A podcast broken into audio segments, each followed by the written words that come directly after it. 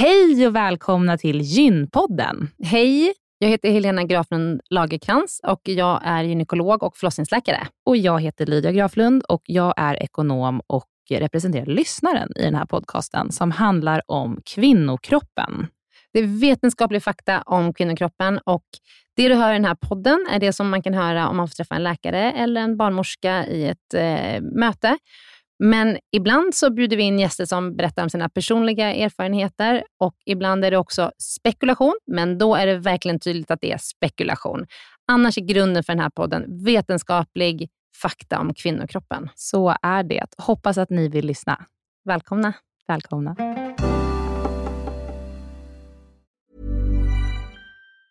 Many of us have those stubborn pounds that seem impossible to lose, no matter how good we eat or how hard we work out. My solution is PlushCare. PlushCare is a leading telehealth provider with doctors who are there for you day and night to partner with you in your weight loss journey. They can prescribe FDA-approved weight loss medications like Wagovi and Zepbound for those who qualify. Plus, they accept most insurance plans. To get started, visit plushcare.com slash weight loss. That's plushcare.com slash weight loss.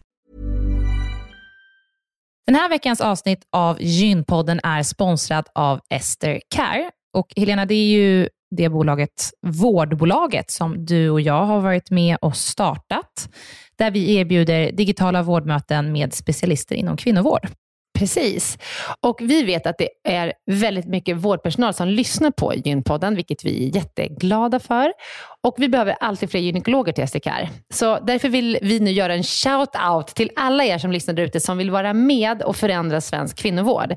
Vi söker specialister inom gynekologi, men också ST-läkare som har kommit en bit in i sin ST och som vill arbeta digitalt eh, med handledning på, hos oss på SDKR. Mm. Och precis som det är för våra patienter som kan söka vård hos oss, det vill säga att de kan bo vart som helst i landet eftersom vi är digitala. Om man laddar ner appen och så bokar man ett vårdmöte, så kan ju även läkaren bo vart som helst i landet eller flytta under tiden man jobbar hos oss. Det är ju väldigt, väldigt flexibelt eftersom eh, man jobbar hemifrån. Och Jag tänker att det måste ju också vara helt underbart att som läkare kunna arbeta hemifrån och planera sin egen tid några dagar i veckan. Ja, verkligen. Och samtidigt vara med och förändra kvinnovården med kollegor som är otroligt drivna och engagerade. Det är jätteroligt att jobba på SDKR. Och jag tycker att det här är en häftig grej som vi gör just nu, att vi erbjuder gyn, äh, gynvård i hela landet. Och vilka är de vanligaste patientmötena du tar, Helena? Ja, men det är ju klimakteriet, eh, PMS, eh, mensbesvär. Och det är ju såklart ärenden och eh, diagnoser som går att hantera digitalt. Men vi remitterar också vidare när det behövs mm. Eh, och tar labbprover när det behövs mm. och så vidare. Mm. Så gå in på sdcare.com, klicka på jobba hos oss i menyn för att läsa mer och skicka in en ansökan. Tack så mycket. Tack och välkomna. Hej och välkomna till Gynpodden. Hej. Helena, vad ska vi prata om idag? Idag ska vi prata om bristningar som kan uppstå när man föder barn vaginalt. Ja. Mm.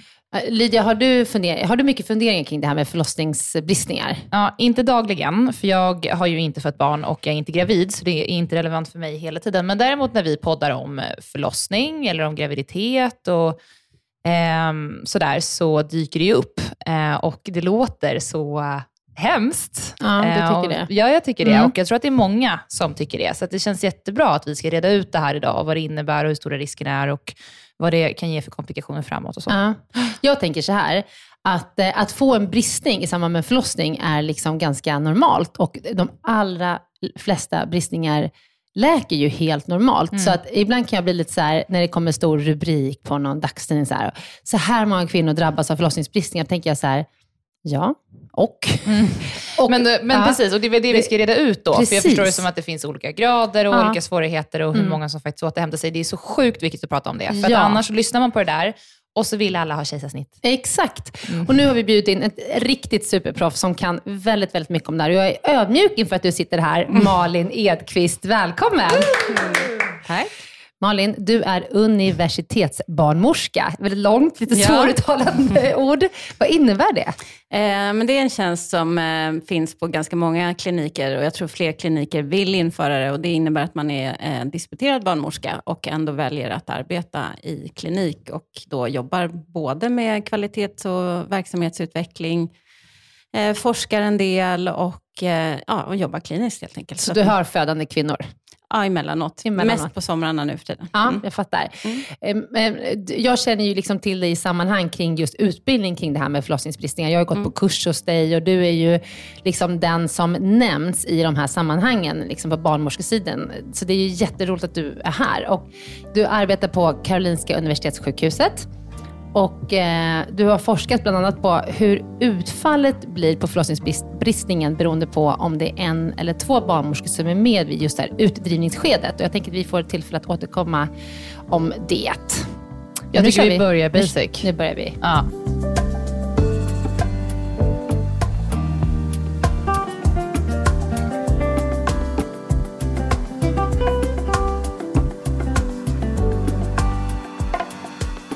Kan inte jag börja få fråga, hur kom det sig att du blev så intresserad av det här att du faktiskt började forska på området? Uh, ja, det kan man ju fundera på. Jag har nog alltid... Jag, ja, men jag har varit barnmorska i, jag räknar ut, 19 år nu. Uh, och jag har nog alltid varit extremt fascinerad av, av, av utdrivningsskedet. För jag tycker, ni, ni pratar bristningar, men jag tänker ju också att det finns kvinnor som föder barn utan att brista. Uh, även om de kanske är färre, så, så finns de. Och, eh, överhuvudtaget så tänker jag att, att jag, barnmorskor har ju ofta med sig det andra perspektivet, så att det finns väldigt mycket skyddande faktorer. Och jag har alltid tänkt att det här är det, för mig är det här vackraste som finns eh, när ett barn föds, eh, så, föds fram. Liksom. Det är så vackert. Det är och det är kanske är konstigt, men, Mm. men eh, så, så det var nog utgångspunkten. Att när jag fick reda på att det fanns eh, då, eh, när jag blev doktorand, ett forskningsprojekt inom det här området, då sa jag absolut alla dagar i veckan. Mm. Så. Och sen disputerade jag 2017 och sen, sen så har jag tagit mig an och fortsatt att forska på det här. Vad är det för frågeställningar man forskar på? Ja, men det är ju hur man kan förebygga skador. För att läser du forskningsartiklar så kommer alla komma till slutsatsen att ja, men de här och de här riskerna finns det. En del går inte, men den, är det första barnet så har du en lite större risk. Och jag antar att vi kommer att komma tillbaka till det. Men, så en del är såna här icke förändringsbara. Men, men någonting måste det ju finnas som vi barnmorskor och läkare eh, inom förlossningsvården faktiskt kan göra för att liksom, göra så bra som möjligt. Och Kände det du- tycker jag är spännande. Och kände du också att det fanns en stor förbättringspotential här? Ja, det tyckte jag. Ja, För det har ju hänt mycket de senaste Mm. vad ska jag säga, tio åren, eller? Ja, ja, det har det. Och då Mm. kan du ju tänka att de, när jag började då 2003, ja, 19, ja, det- blir det ju faktiskt 20 år nästa år. Eh, 2003, då, pra, första två åren så pratades det inte jättemycket om det, men sen dess så har det varit på tapeten. Och Mm. eh, ja, vi har diskuterat det här framlänges och baklänges och, och sen har jag forskat på det. Så spännande. Men kan vi börja från början? Mm. Vad som kan hända? Kan vi prata om de olika Mm. bristningarna som kan ske och Mm. varför Ja, vi gör det? Vi har ju, alla människor har ju nästan, och eh, liksom inom vården så har vi ett stort behov av att dela upp saker i, i mindre delar för att kunna kategorisera och för att kunna hjälpa och så. Så att vi har ju valt att de, eh, definiera bristningarna utifrån svår, så kallad svårighetsgrad. Ehm, och det är ju bristningarna i mellangården då främst. Och då kan man säga att det är från grad 1 till grad 4 som man har. Och sen så pratar man om, om bristningar som sker lite djupare, lite längre in. I Sverige har vi valt att lägga till dem till, så att vi, har liksom, vi tänker mer tredimensionellt än tvådimensionellt. Ehm, men en, en grad 1-bristning är egentligen bara hud och slemhinna, eh, skrubbsår och, och liksom att man, ja, väldigt ytligt, inga muskler involverade. Sen grad 2, då kan det vara allt för, från liksom en liten del av muskulaturen i mellangården som är, är för det finns några olika muskelgrupper där, som är, eh, innefattas. Och sen eh, grad 3 och grad 4, då eh, är det ändtarmsmuskeln som innefattas i olika omfattning, kan man säga. Just det. Mm. De musklerna som är i mellangården, vad har de för funktion? Nej, men de, är, de är väldigt mycket, det beror på vilka det är. Den, eh, den ytligaste muskeln, eller ytligaste kanske blir fel ord, den kallas för bulbocavernosus. Eh, och den är egentligen mer en omslutande muskel. Eh, så den sitter faktiskt också ihop med klitoris. Och, eh, så den ska man vara lite försiktig med. Nu, så att man inte syr den för tight, utan eh, att man tänker att den har inte en, den har liksom en, helt, den har inte en funktion att skapa stöd.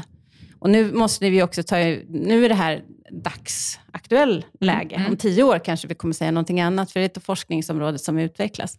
Utan det jag skulle säga har, är de liksom, eh, muskulaturen som ligger närmast ändtarmsmuskeln. de skapar stöd. Mm. Så väldigt mycket stödfunktion åt ändtarmsmuskeln, för annars får ju den jobba ensamt om Mm. inte den har någon stöd runt omkring sig. Och det blir lite tungt. Så grad 1, 2, 3, 4 är det vi kategoriserar i Sverige. Mm. Grad 1 är, den minst allvarliga, grad 4 är den svåraste. Är det annorlunda utomlands? Vet inte hur det ser ut i... Nej, men det, det enda som är annorlunda utomlands, skulle jag säga, det är att man säger separat, att vaginala bristningar är separata för sig, medan vi försöker lägga till dem och säga att ja, men de, de of, kommer ju oftast tillsammans. Mm. Ja. Så att man inte tänker att det bara är mellangård eller bara. Eh, Så av de här bristningarna, 1, 2, 3, 4, vilken är vanligast? Jag skulle säga att andra gradens bristning är det vanligaste. Mm. Så den som påverkar lite av vaginas muskulatur, men inte ändtarmen. Ja, för Mm. vagina Det- har ju också en stödfunktion och inte själva liksom, eh, slemhinnan i vagina, utan det som ligger under, det ligger en fascia under och den har ju en stödfunktion. Vad är en fascia? Vad är en fascia? Det kan jag Bindvävshinna. Bindvävshinna, Ja, liksom ja. en bindvävsplatta. Den, har en, den är, är, det finns fascior i hela kroppen på olika ställen. Den håller, det är liksom en stödfunktion till, Mm. kroppens, till kroppen kan man säga. Så den, den ligger mellan, vagin, mellan vagina och liksom ändtarmen och stöttar däremellan. Men för att förstå då vad den faktiskt stödjer med, Mm. vad händer om den blir skadad? Vad är det vad är det du upplever då? Ja, men jag tänker så här att eh, om, om man tänker att eh, själva ändtarmsmuskulaturen, det är ju det yttersta stödet, liksom, som du, både som, är, som hela tiden är på sin vakt, det är en del av ändtarmsmuskeln, och sen är det någonting som aktivt också kan knipa om du känner att oj, oj, jag skulle behöva gå på toaletten, men nu har, nu har jag inga möjligheter, så har du ju liksom en, en, en viljestyrd funktion. Men, men sen, in, sen så går ju den över i, i tarm, så att säga.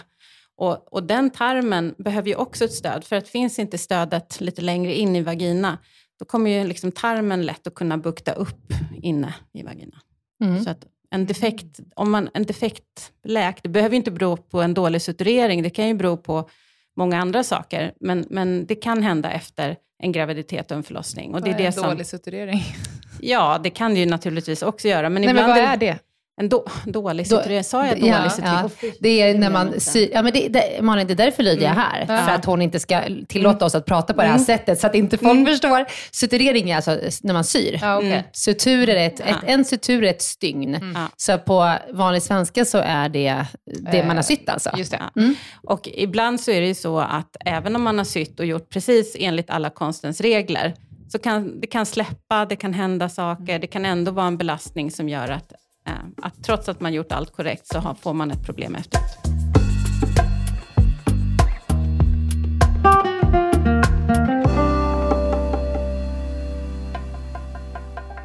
Om vi tittar då på hur vanligt det är med förlossningsbristningar, för jag, för jag sa ju till Lydia precis innan här att, att det hör till det normala.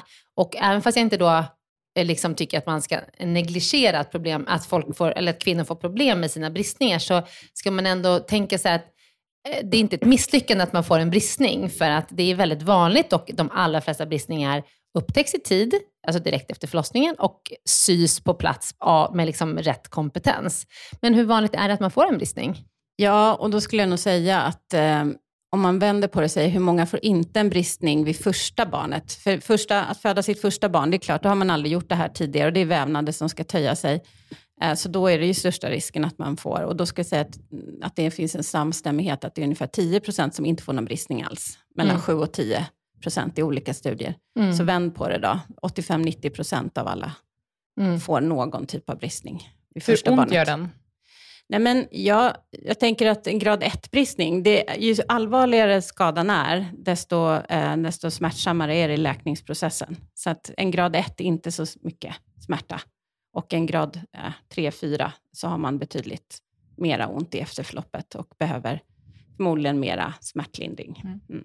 Och, och att du sätter 10% som inte får någon bristning vid sin första Mm. vaginala förlossning, Mm. då blir jag nästan förvånad. För jag tycker det är så sällan man ser det. Och Mm. även om det bara är en liten bristning, så är det liksom, ah, men grad etta, liksom, då tänker man, oh, wow, en grad etta var jättefint. Vilken Mm. fin förlossning. Mm. Så att det är ju, och, de, och man ska också komma ihåg att de allra flesta läker utan Mm. besvär. Ja. Så att eh, det är ju det absolut vanligaste. Och får jag lägga till en sak här så är det ju det att grad 2-bristningar, det är som jag sa, de kan ju vara en pytteliten del av muskulaturen i mellangården och vara i, i princip ingenting, nästan som en liten grad 1 och, in, och verkligen ja, helt kännas okej. till de här som är precis att allting är blottat. Det är ingen, ingen bristning som går till ändtarmen. Men, och då är det ju en ganska stor grad 2. Alltså grad 2 innehåller ju ganska många olika ja, delar. Mm. Liksom. Okay. Och det är ju också någonting som vi har lärt oss, tycker jag, prata mer om på senare år. Att förut så pratade vi mera, liksom om man säger för tio år sedan kanske vi, tycker jag att vi pratade mer om att ja, en grad 2 är, är, bara en grad 2, för den involverar inte ändtarmsmuskulaturen. Eh, men nu liksom pratar vi mer om att en grad 2 kan också vara en allvarlig bristning. Så ja. att man ska verkligen så här, undersöka noggrant, se till. Mm. Och blir man det minsta osäker så ska man fråga en kollega så att liksom kvinnan verkligen får bästa möjliga mm. chans till att få en, en, en rätt diagnos och en rätt hjälp i samband med förlossningen. Verkligen. Men okej, okay, så att vara förstföderska det är den största riskfaktorn för en bristning. Mm. Men vad finns det för andra liksom, riskfaktorer för större bristningar?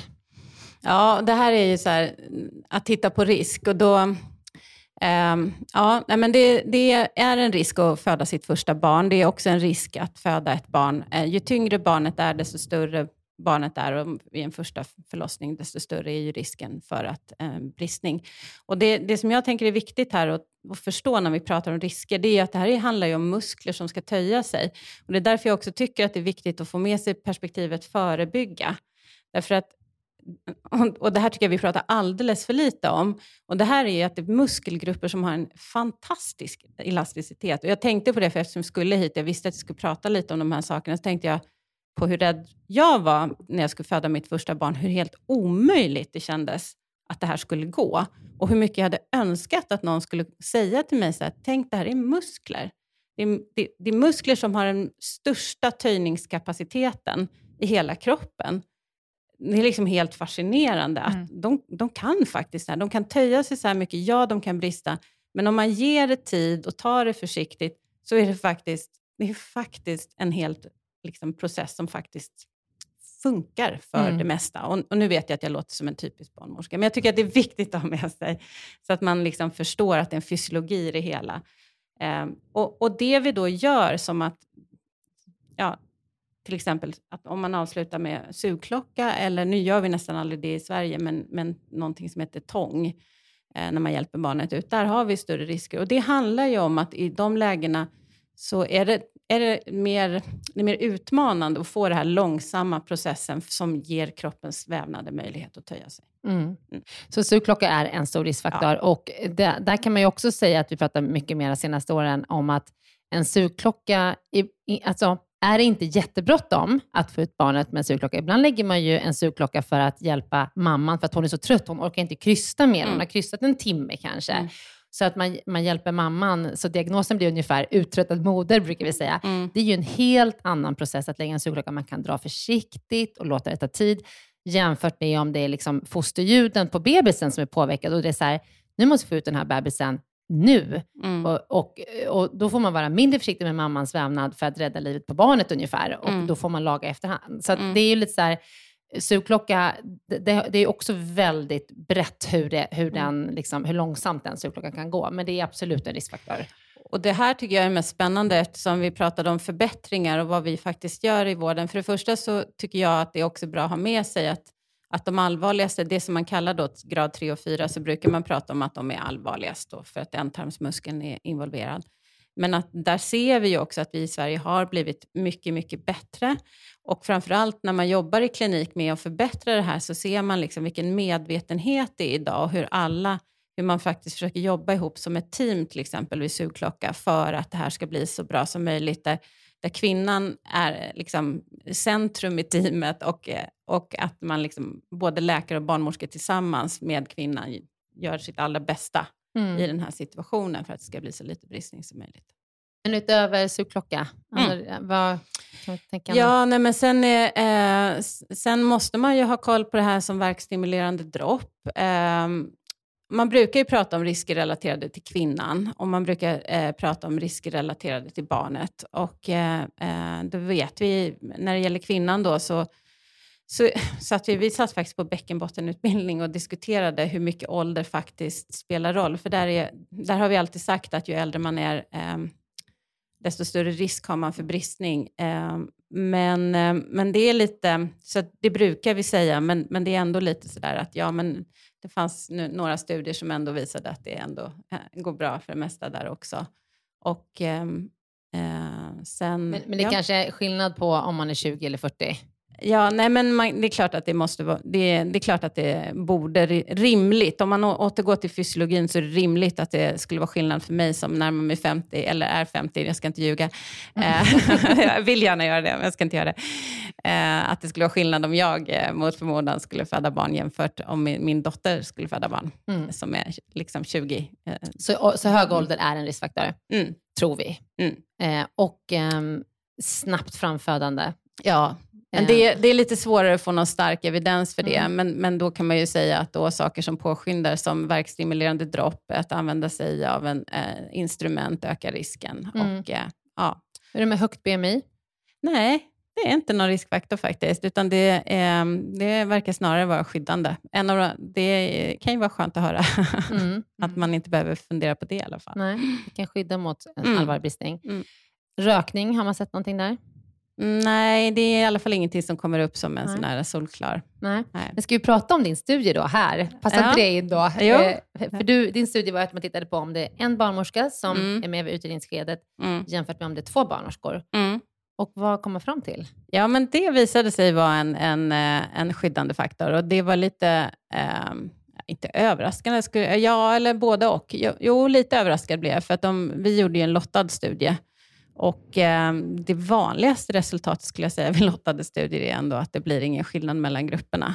Eh, så, I alla fall har det varit så hittills när det gäller liksom förebyggande inom förlossningsbristningar. Så att, eh, men det var skyddande. Så Mm. det, det är ett arbetssätt som i alla fall där jag jobbar och på många andra kliniker i Sverige som, som man använder. Men Det är på förstföderskor då, eller ja, Och först vad innebär det då? Att man är två barnmorskor som hjälper till att när barnet förlös, Mm.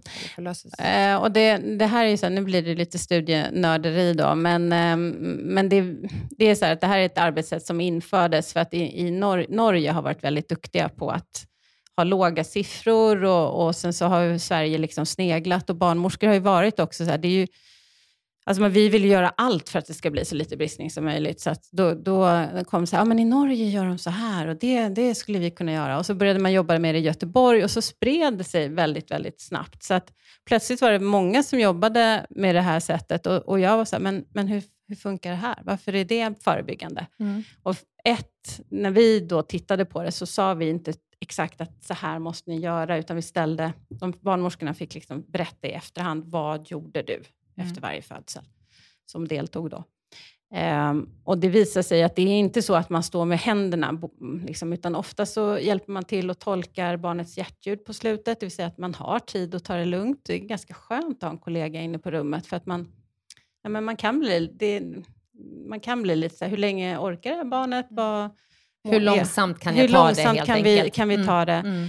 Eh, Man kan också hjälpa till och, och få någon extra som hjälper till att kommunicera eller prata liksom med den som föder barn, så att Mm. man verkligen får till det här också. Eh, Så det var nog de vanligaste sakerna som Mm. man gjorde. Så att egentligen så, så visar det väl att också att man använder sig av en, en modell för att förebygga bristningar. Mm. Så att man kan inte bara peta in en till person på rummet och tro att vi löser allt, om man nu inte gör det. Det är viktigt med syftet med det. Mm. Mm.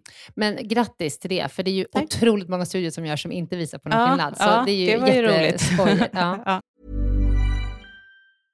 Ryan Reynolds here from Mint Mobile. With the price of just about everything going up during inflation, we thought we'd bring our prices down.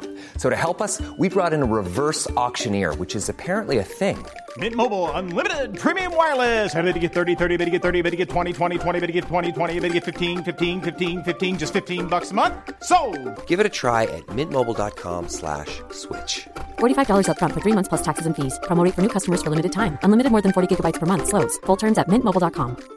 Quality sleep is essential. That's why the Sleep Number Smart Bed is designed for your ever evolving sleep needs. Need a bed that's firmer or softer on either side? Helps you sleep at a comfortable temperature? Sleep Number Smart Beds let you individualize your comfort so you sleep better together. JD Power ranks Sleep Number number 1 in customer satisfaction with mattresses purchased in-store. And now save 40% on the Sleep Number limited edition Smart Bed for a limited time. For JD Power 2023 award information, visit jdpower.com/awards. Only at Sleep Number stores or sleepnumber.com. Veckans avsnitt av Gynpodden är sponsrat av mittpreventivmedel.se som är en informationssida från Bayer. Mm.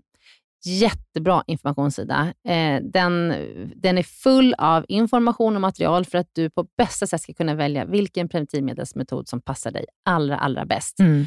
Och Det vi tänkte prata om idag det är att det finns något som heter samtalsguide Mm.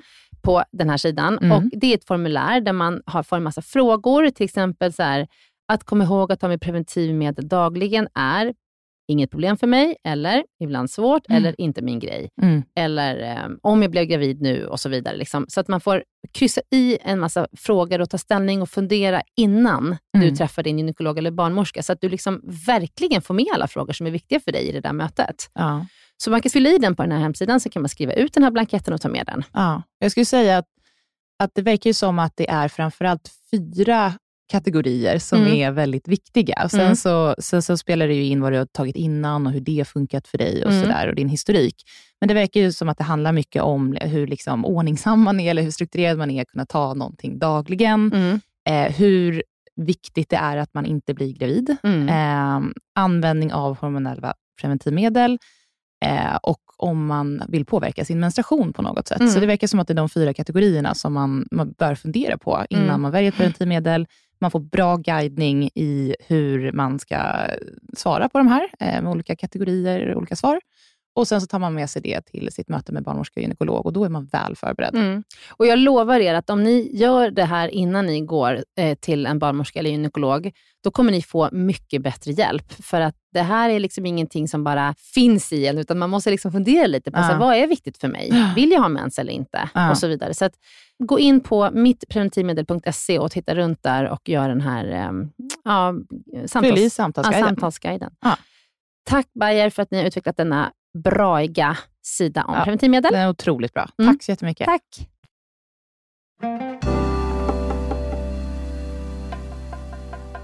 Andra yttre faktorer, förutom då att vi kan vara två barnmorskor, positionen, hur mamman är i sista liksom, skedet av förlossningen, det påverkar också.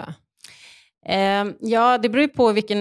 det- Alltså vi tittar ju på eh, man, som evidensgrad och då har inte det någon hög evidensgrad, utan de högsta evidensgraden eh, det är ju när man gör lottade eh, studier.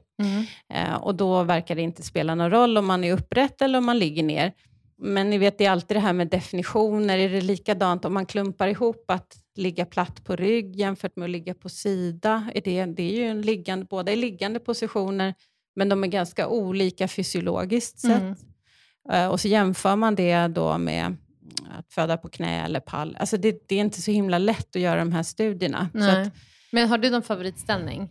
Alltså jag gillar ju både eh, sida och fyrfota. Mm. Eh, och det tycker jag är, jag kallar dem för neutrala förlossningsställningar. det vill säga att de är vare sig upp, de är inte speciellt upprätta, fast de ger ändå kvinnan en möjlighet att vari, liksom, styra lite själv. Förstår du Lydia hur de här positionerna ser ut? Absolut. Alltså, Mm.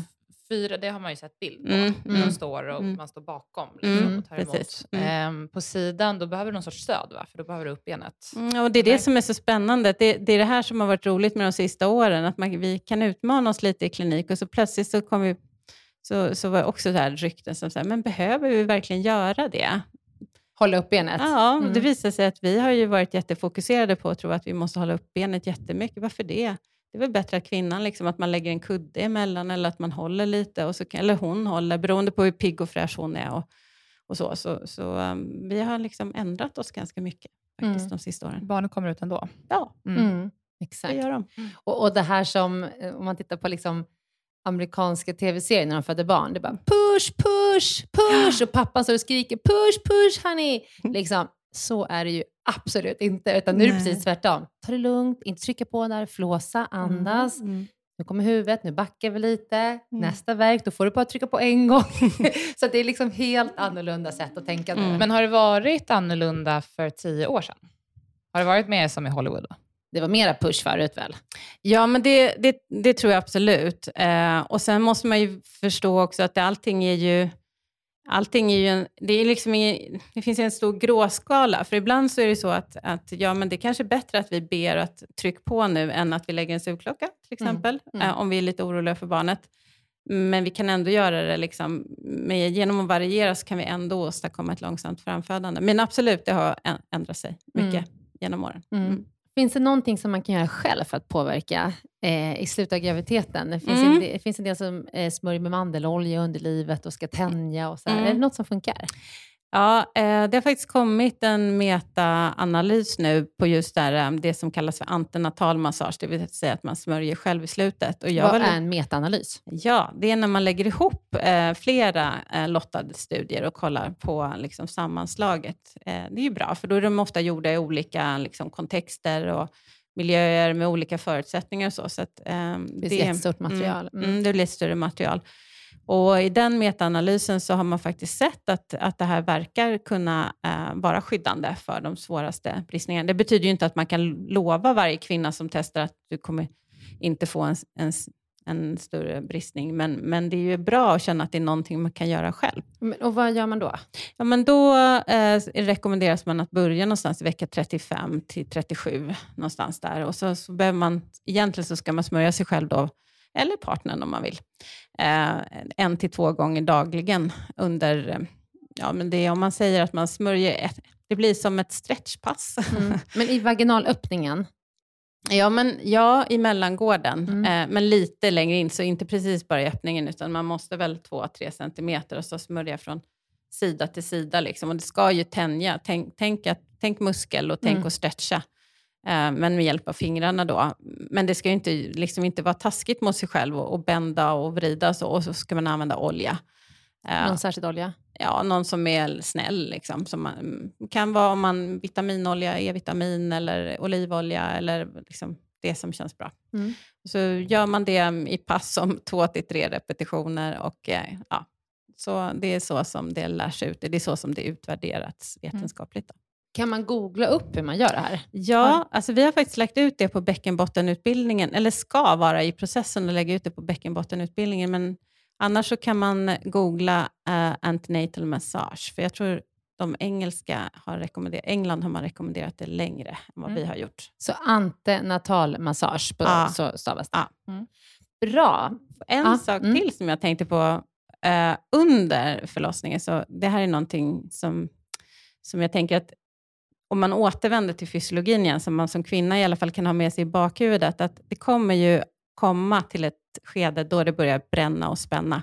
På engelska kallas det för ring of fire. Eh, och det kan man ju bli rädd av att höra, för att då vet man att nu... Det, men det kan vara bra att veta, då börjar det ju närma sig. Så det kan, bara det är ju ganska skönt att då är de här timmarna över. Det, det kommer bli ett slut på det här. Men det är ju, för mig har det varit en så här, ja men vad skulle hända när du sätter handen på en, en platta? Mm. Ja, vad blir signalen till dig när det börjar göra ont? Ja, du tar bort handen. Så när du som kvinna känner att det bränner och spänner, som börjar känna den känslan, ja men det är kroppens signal till att nu måste du också, nu måste det gå lite långsamt. Det finns ingen utanför dig som vet att nu känns det så här. Mm. Vi kan ju jobba för att det ska gå långsamt och vi, liksom, barnmorskor och läkare har ju en, en bild av att ja, men det här brukar vara lagom. Men, men det, kan man få den kommunikationen att, att man säger till barnmorskan, nu spänner och bränner sådär jättemycket, då ger man henne ganska mycket information. Mm. Aha, nu, aha, nu är du här, just du. Liksom. Så det, Mm. det, är ett tycker jag är ett bra råd. Mm. Har du några fler sådana råd? Ja, nej, men då, då tänker jag att då kan vi jobba på ett bra samarbete. Mm. För det är ju det som vi behöver ha i slutet. Det är, jag kan jobba för ett långsamt framfödande, men om vi kan vara två och göra det tillsammans så kommer det vara bra mycket mer effektivt. Mm. Mm. Så att, mm, nej, men det är nog mitt tips. Ditt bästa tips. Mitt bästa Mm. tips.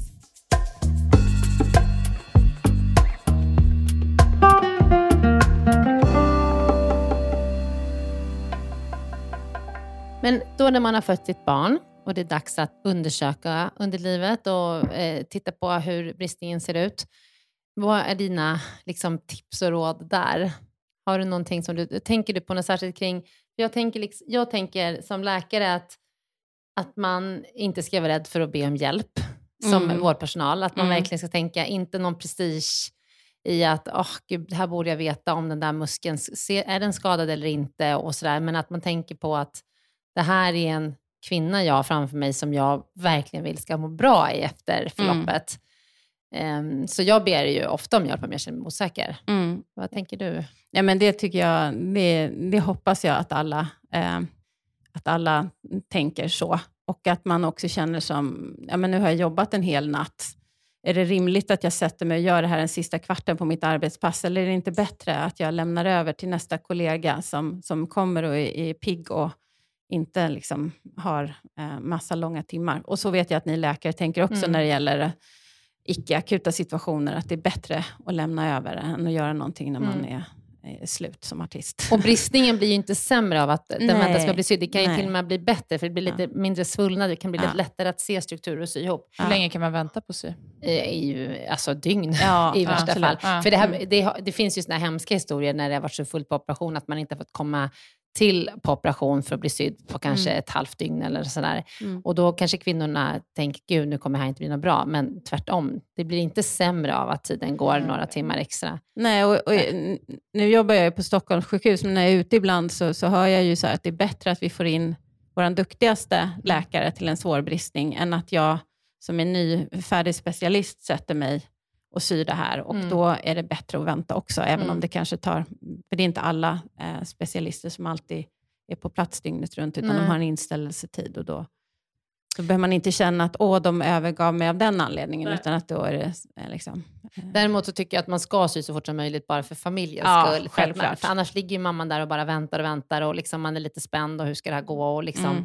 När man väl är färdigsydd då får man komma till BB och man får sin Mm. macka och allt det där som är så mysigt. Mm. Men ehm, vi, jag, man får ju ofta fråga, eller liksom i förlossningsbrev och eh, kanske inte ofta, men att eh, alla kvinnor tror att, att det är så viktigt att bli sydd av en läkare. Mm. Är det din uppfattning också? Nej, det tycker inte jag. Jag tänker att man behöver inte tänka...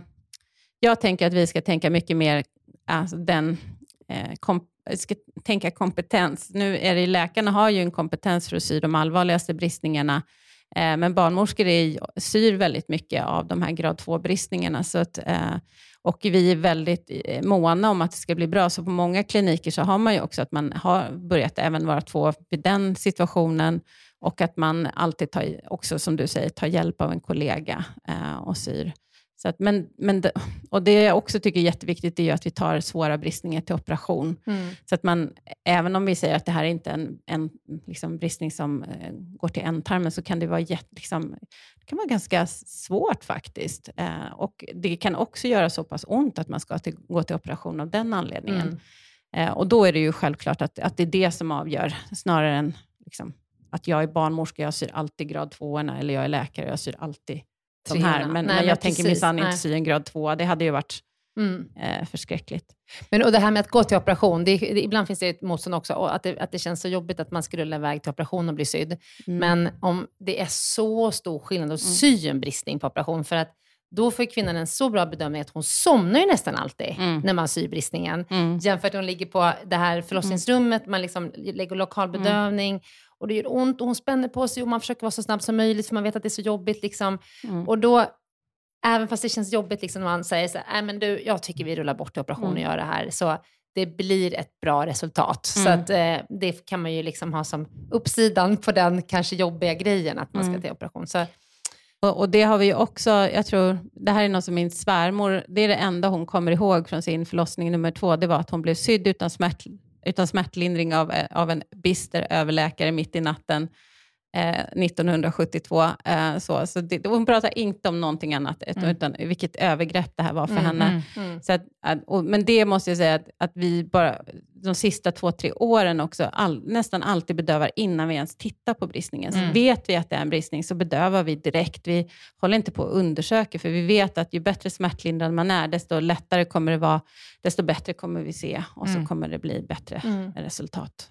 Och sen eh, nu för tiden syr vi ju alltid med stygn som inte ska tas bort, utan Mm. de absorberas av kroppen själv, så man behöver liksom inte gå och plocka bort dem i efterhand.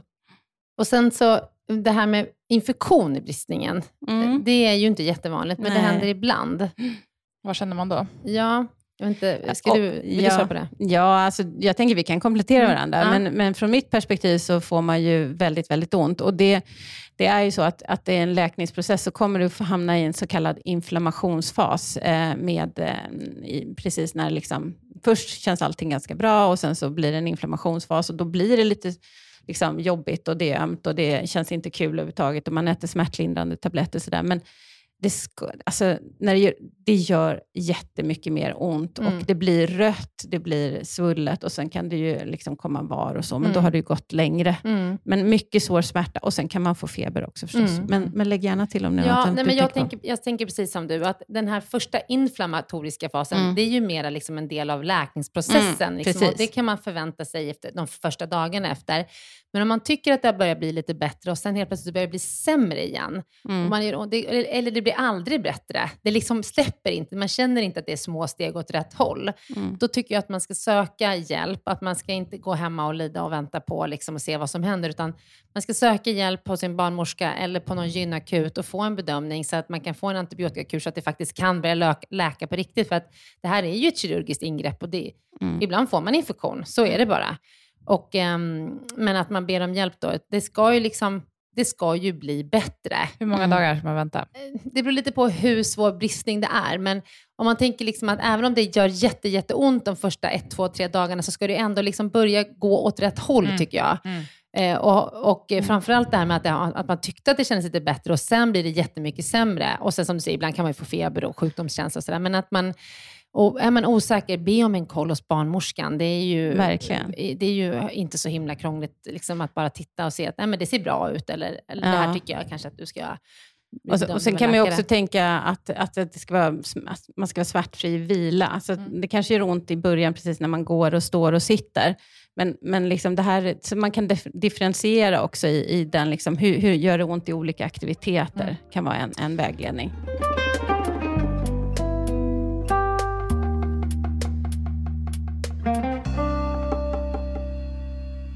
Hur är det att gå på toa under den här tiden? Jättebra fråga. Ja. Mm. Ja, men det är ju också någonting man är supernervös för första gången man ska gå på toaletten. Och, eh, ehm, ja, rent generellt så kan det vara skönt med kyla. Eh, det är inte farligt att använda liksom bara för att känna om man är svullen överhuvudtaget. Då. Men, men det man annars kan göra, det är ju för det första att använda duschen eh, när man ska kissa, för det kan svida en del när man kissar. Eh, så att man får kissa i duschen. Det är helt okej. Och, Till och med jättebra. Ja, Mm. eh, till och med jättebra. Och då hjälper vattnet? Det eller liksom inte sådär, det där, kisset är ju så himla starkt, Ja. så Mm. att om man använder vatten så blir det mer neutralt och då Okej. svider det inte så mycket Nej. i stygnen. Nej. Och sen så första gången man, så är det jättebra att äta så att man liksom dricker mycket vatten, eh, äta fibrer så att man kommer igång med magen. Eh, och sen så är det faktiskt ganska skönt att ta en binda eller liksom någonting och bara känna så här, för man, det här med att trycka på vill man ju inte gärna behöva göra den första gången. Och så kanske man till och med vill hålla någonting mot slidmynningen, bara för, inte för att det behövs, utan bara för känslan att det kan vara lite skönt första gången. Men om man har en grad 3 eller 4 bristning då, där eh, ändtarmsmuskeln är involverad, vad, eh, vad ska man tänka på då? Nej, men då ska man, eh, i alla fall tidigare, så, och nu, nu, eh, det här är inte mitt bästa område, för att jag är mer inne på preventionsdelen Mm. och gr- kanske mera grad 2-bristningar. Men, men man ska inte bli förstoppad, det är, det är jätteviktigt. Och man ska, äta, man ska äta smärtlindrande, man behöver oftast det. Mm. Och Sen så får man faktiskt i den processen ta lite mer tålamod, för det är en stor bristning. Eh, Mm. och att man faktiskt får vara lite snäll mot sig själv. Eh, och tänka att jag behöver inte klara allting, jag får ta det lite liksom, extra lugnt, Mm. eh, tycker jag. Men och, där du säger att man inte ska bli förstoppad, det är jätteviktigt. Ja. Och alla som har en grad 3 eller grad 4 bristning ska ju stå Ja. på alltså, Ja. mjukgörande för tarmen. Typ, inte laxermedel, men någonting mjukgörande så att man bara kan gå på toaletten och inte behöver krysta. Precis. Och så ska man, inte sitta, man ska inte sitta för mycket på rumpan, utan man ska försöka ligga, variera liksom ställningar så man inte sitter på rumpan och ammar kanske hela tiden, utan att man ligger ner och ammar eller avlastar Mm. liksom området. För man är ju sydd i ändtarmen och vi vill ju att den där tar- ändtarmen ska läka och få Mm. återfå sin fulla funktion. Mm. Så inte förstoppning och inte... Och det, kan, det gäller ju egentligen då detsamma som, ja, det är ju skönt för en stora grad 2-bristningar också, Mm. samma råd Mm. egentligen. Man, så Mm. tänker jag. Ja. Och så ska man ju komma ihåg att har man frågor så innan man lämnar BB, se till att man får ett utskrivningssamtal av en läkare om man vill det, eller barnmorska om man vill det, eller till och med en fysioterapeut om man har en stor bristning och liksom, hur ska jag träna, hur ska jag röra på mig, vad får jag göra, vad får jag inte göra och sådär. Så att, att man känner att ah, men nu vet jag, nu känner jag mig trygg. Jag tycker faktiskt man ska be att någon tittar på bristningen. Och att man får kanske liksom, alla vill inte titta på sin bristning, man kan göra det om man vill. Men att någon annan åtminstone har kikat innan man går hem. Mm. Det Det vill jag. säga efter att man har sytt då? Alltså Ja, alltså någon- innan man går hem, men oftast är man i alla fall något dygn på BB. Mm. Mm. Mm. Och, Kanske sen, lite längre ut i landet. och sen vill jag lägga till att det läker ju så fint. Mm. Slemhinnor läker ju fort Mm. och eh, ibland då när man kanske har någon kontroll bara två veckor efteråt så eh, det kan ju se så fint ut. Mm. Så ja. Ja, precis. Och går man på tidig hemgång kan man ju be faktiskt på efterbesöket när man kommer tillbaka. Och man har ju oftast ett besök hos sin mödravårdsbarnmorska. Så Mm. många av dem har ju liksom ökat på eh, sina tider också för att kunna Mm. göra det här mer. Men så se till att man känner sig väl informerad när man går hem och eh, vet vart man ska vända sig om man har några frågor. Mm. Mm. Och föda barn vaginalt är kul. Eller hur Malin? Jättekul. Det är det. fantastiskt. låter otroligt kul. eh, nej, men det, är, det är fint och eh, känner man sig trygg och har en barnmorska som man känner sig trygg med så blir det en, kan det bli en otroligt bra upplevelse. Mm. Mm. Mm. Ha, Lydia, vet du allt du vill veta om bristningar nu? Ja, kanske lite sannolikheter så här på slutet av avsnittet. Oj, oj, oj. Ja, Mm. har du några siffror? Hur sannolikt är det? 1, 2, 3, 4? Ja, ja, av grad 3 och 4. Ja. för första barnet, eh, nu blir det så här om och men. Mm. Eh, är det första barnet om man föder spontant vaginalt och första eller andra barnet sammanlagt, då är vi nog nere i Sverige idag på under 2 procent. Det är Ja, jätteovanligt andra och, ja, och en förstföderska så kanske vi ligger på någonstans runt 3, beroende de bästa klinikerna ligger runt 3,5 procent och, och, och Ja. de, de klinikerna som har lite mer utmaningar kanske ligger mot 4 och över 4 procent. Men det är fortfarande, det är fortfarande en sällanhändelse. Det är, men vi tar ju det på största allvar på Mm. grund av konsekvenserna det kan få för kvinnor. Kommer du ihåg Elin att vi Mm. läste någon gång, det var någon som hade skrivit på internet någonstans, att, eh, att en ordentlig skada var liksom snarare eh, normalt än ovanligt. Och det ja. stämmer ju verkligen Nej, inte. det överhuvudtaget. inte. gör inte det. Nej, men hon nej. skrev så här att att gå på toaletten är mer än, att inte kunna gå på toaletten normalt efter en förlossning, flera år efter en förlossning, är mera regel än undantag. Ja, det är ju Så ska det inte vara. Nej, men det är Nej. inte klokt. Så får Nej. man inte, det är skrämselpropaganda. Mm. Ja, det tycker jag Ja, faktiskt. skönt att höra. Ja. Mm. Så Malin, tusen tack för att du har Ja, varit här och pratat med oss. tack, Malin. Jätteintressant Tack. och du är så viktig i det här arbetet att förebygga förlossningsbristningar. Mm. Vi, har, eh, vi har kommit lång väg, men man kan ju alltid bli bättre. Så att, eh, och det, ja, nej, men det är roligt. Det är roligt att jobba med det här området. Det är viktigt för kvinnor. Mm. Tack Malin. Tack. Hej då.